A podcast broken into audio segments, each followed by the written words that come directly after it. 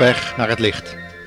Welkom luisteraar in ons vervolgprogramma van de Stichting Adulam over taal en teken. Opnieuw willen we nadenken over de zogenaamde tongentaal die in veel kerken en geloofsgroepen beoefend wordt en als een must worden geacht voor een positief en hoogstand geloofsleven. In dit programma willen we deze wereldwijde en diep gewortelde gedachte toetsen aan de Heilige Schrift. Geen dankbare taak als het gaat om eer van mensen te behalen. Want vele christenen geloven liever wat ze zien en ervaren dan wat God in zijn woord ons voorhoudt als waarheid en leven. Maar laat de luisteraar deze programma's zelf toetsen aan hun Bijbel en bidden om de leiding van de Heilige Geest, de Geest der waarheid. In dit programma willen we het hebben over het thema falsificaties van de vijand.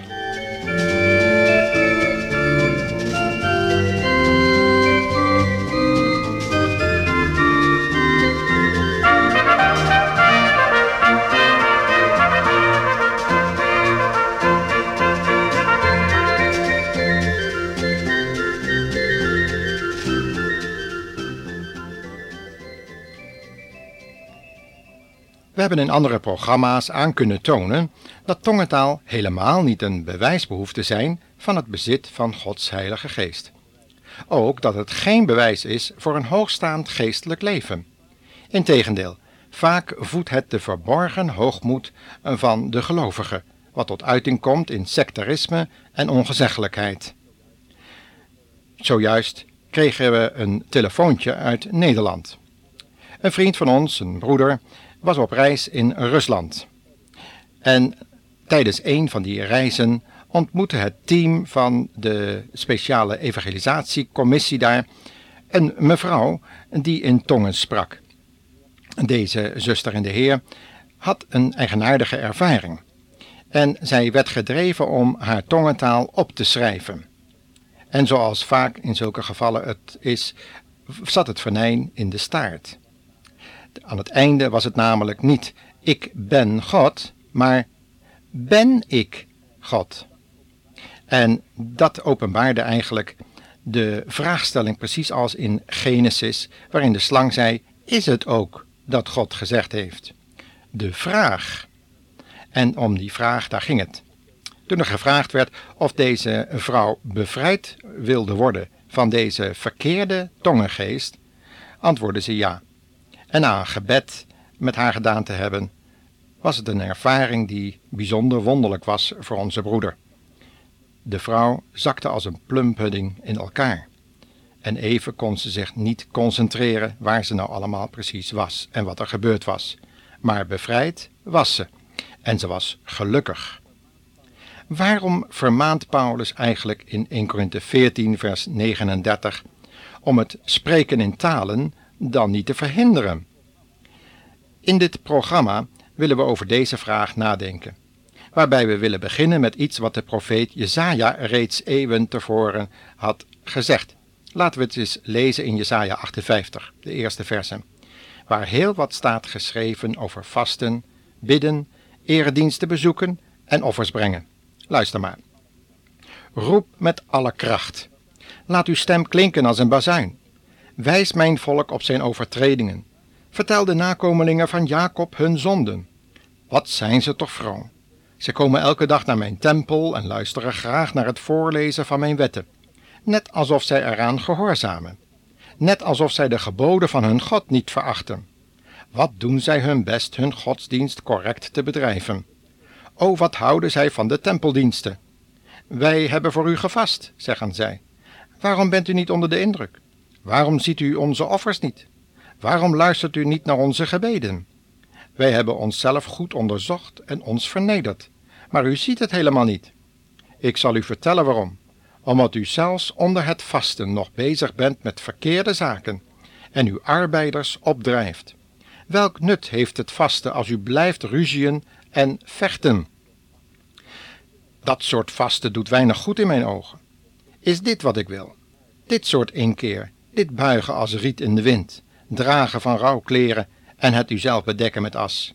Noemt u dat vaste, een dag waaraan ik welgevallen heb?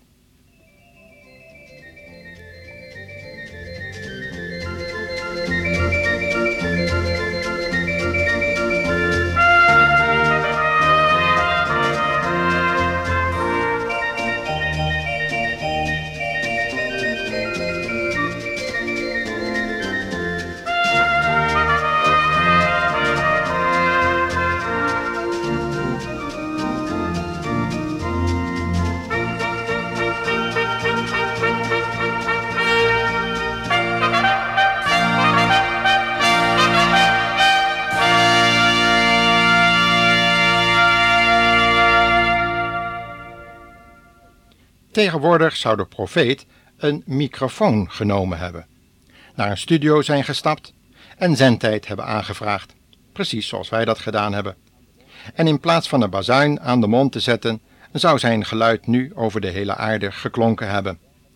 Met de tegenwoordige moderne communicatiemiddelen zou hij in één keer de helft van de toenmalige bevolking van Israël hebben bereikt. Nu hoorde slechts een deel van Israël zijn waarschuwende en schokkende boodschap, die hij daar op het Tempelplein uitsprak, hoewel de woorden al wel als een lopend vuurtje het hele land zouden worden doorgebracht. Dat gebeurt trouwens tegenwoordig ook, maar meestal hoort de spreker zijn woorden pas weer als ze inmiddels aardig verminkt hun weg weer terug hebben gevonden. Vaak is het dan lastig geworden en een opgeblazen sensatieverhaal voor de een of andere boulevardblad. Met als kopje op de voorpagina: Profeet kondigt einde van de wereld aan en onthult weer nieuwe schanddaden onder de leiders van de kerk. Dat gebeurt toch tegenwoordig regelmatig, als je de krant moet geloven. Maar nu het vervolg van ons onderwerp over talen en tekenen, die in steeds toenemende mate gevonden worden in het christelijke kerken. Wat moeten we hier toch van denken? Paulus had in 1 Korinthe 14, vers 39 daar ook iets over te zeggen aan de in verwarring geraakte gelovigen van zijn tijd. In de vorige uitzending beloofden we hierop terug te komen. Waarom schreef Paulus dat men het spreken in talen niet moest verhinderen? De bekende prediker Fernand Legrand, die zelf zijn spreken in talen als een vervalsing heeft moeten oordelen, zegt er het volgende van. We moeten allereerst beseffen dat de genadegave van de apostel de echte was en geen vervalsing, zoals men die ons tegenwoordig voorhoudt.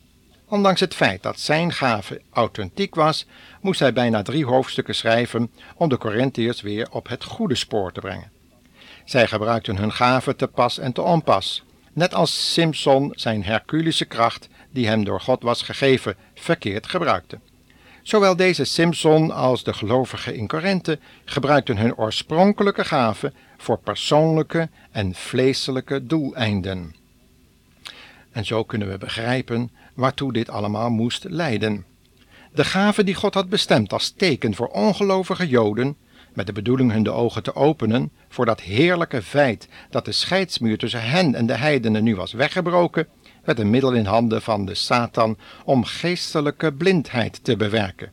Hoogmoed, zedeloosheid, ongezeggelijkheid, wanorde en valse leer, alsmede het binnensluipen van vrome demonen in de gestalte van een engel des lichts. Dat was het gevolg. Had Paulus al niet gezegd dat er na zijn vertrek zware wolven in schaapskleren de gemeente zouden binnendringen? En dat er zelfs mensen uit het midden van de gelovigen zouden opstaan en gelovigen achter zich zouden wegtrekken? De duisternis van het occulte in? U kunt dat lezen in Handelingen 20, vers 29, waar hij de oudsten van de gemeenten in Efeze naar zich toe laat komen. Inderdaad. Paulus sprak in meer in talen dan de meeste gelovigen van die tijd. Maar hij had deze dan ook nodig. Vele volkeren hoorden in hun eigen taal de grote daden Gods door hem verkondigen, ja, tot in Griekenland, Rome en de eilanden van de barbaren toe. Glady Aljeward, een Chinese zendelinge, die een roeping gevoelde om als eenvoudig meisje, wat de Bijbelschool niet kon afmaken en haar diploma dus niet kon ontvangen, had een roeping ervaren om naar China te gaan, om daar een oude Chinese Europese zendelingen bij te staan in haar moeilijke werk. In die tijd was het Chinees leren nou niet bepaald makkelijk. Er waren geen bandrecorders of wat voor hulpmiddelen ook in de techniek. Maar wonder gebeurde.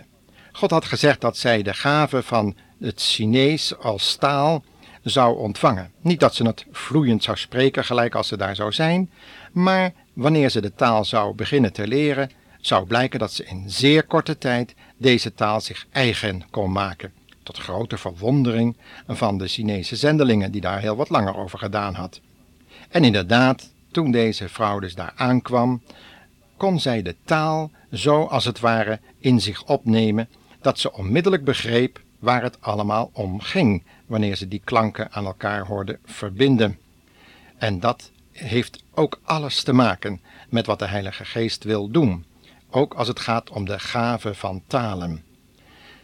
Paulus schreef in 1 Korinthe 13 vers 8 eh, dat het dus heel belangrijk was om in alles wat de uitoefening van de gave betreft rekening te houden met de liefde die God aan de gelovigen heeft toevertrouwd. Volgens Romeinen 5. De liefde die in onze harten is uitgestort. En de liefde zorgt ervoor dat elke gave niet op zichzelf gericht wordt, maar op de ander. En hoe zit het nou dus met die vermaning om het spreken in talen niet te verhinderen? Enig logisch nadenken levert de gedachte dat in de toenmalige gemeente te Korinthe nog steeds Joden waren die moeite hadden met het feit dat gewone heidenen de blijde boodschap van Gods genade luid verkondigden. Maar het gebeurde en de boodschap sloeg aan. In de Handelingen 13, vers 47, waar de apostel te maken had met lasterende Joden, die zijn boodschap aan de volkeren niet aanvaarden, raakten de heidenen uitzinnig van vreugde na de volgende woorden die Paulus daar als persoonlijke opdracht had overgenomen van de profeet Jezaja. U kunt dat lezen in Jesaja 42 en 49. En terwijl Paulus ze heel persoonlijk op zijn eigen leven en roeping toepast, lezen wij daar: Dit heeft de Heer ons opgedragen. Hij zei: Ik heb u gemaakt tot een licht voor de niet-Joodse volken, om redding te brengen tot in de verste uithoeken van de aarde. Toen de niet-Joodse mensen in de stad dat hoorden, waren ze blij verrast. Ze vonden het heel fijn dat Paulus hen over de Heere vertelde, en die klaar waren voor het eeuwige leven, geloofden wat hij zei. Zo ging het goede nieuws over Jezus Christus door heel de streek. En zo gaat het nog steeds. Iedereen kan het goede nieuws nu in de eigen landstaal horen. En het blijft een teken voor ongelovige Joden. Ook die van onze tijd.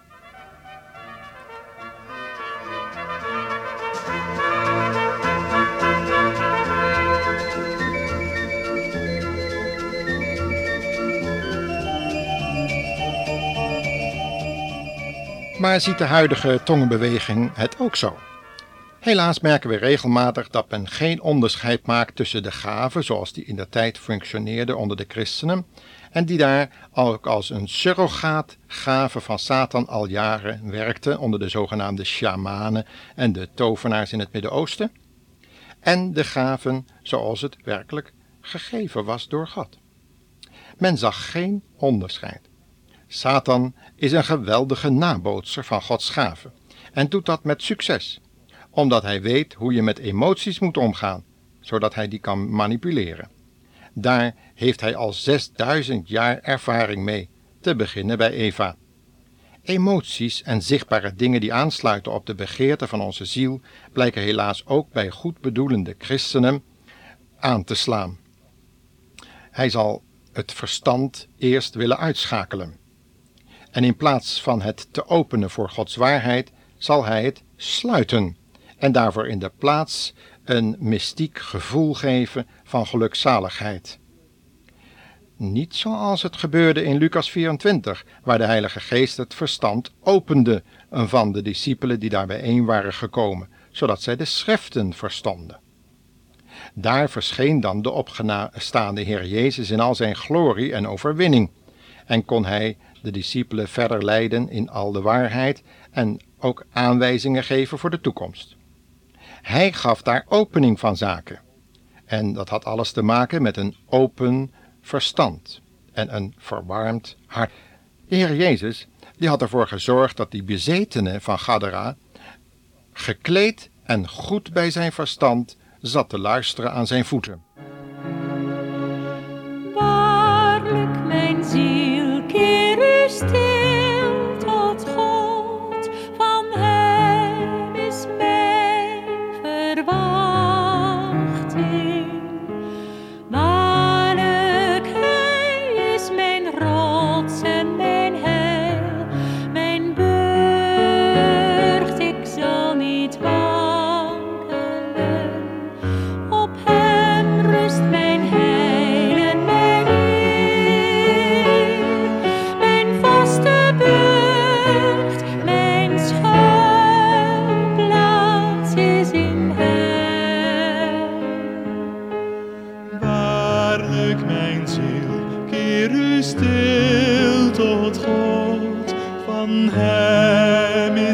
Mijn verwachting. Waarlijk, is mijn rots en mijn heil, mijn burcht, ik zal niet wankelen. Steeds weer opnieuw blijkt het verschil dat wanneer we met demonische geesten te maken hebben, dat de mens centraal komt te staan, terwijl de Heilige Geest die zou de Heere Jezus centraal stellen en zijn heerlijkheid openbaren. Alleen dat geeft ware vrede. Misschien mogen we de luisteraar oproepen om die vrede te zoeken. En dat kan alleen wanneer u uw woord steeds weer opent en vraagt: Heer Jezus, laat me zien wie u bent en laat mij in uw licht wandelen. Dan kan ik niet verdwalen.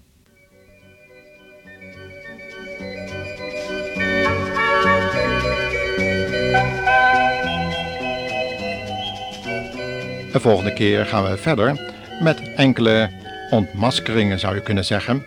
En hoe het dan verder gaat met in onze laatste programma over christelijke tovenaars.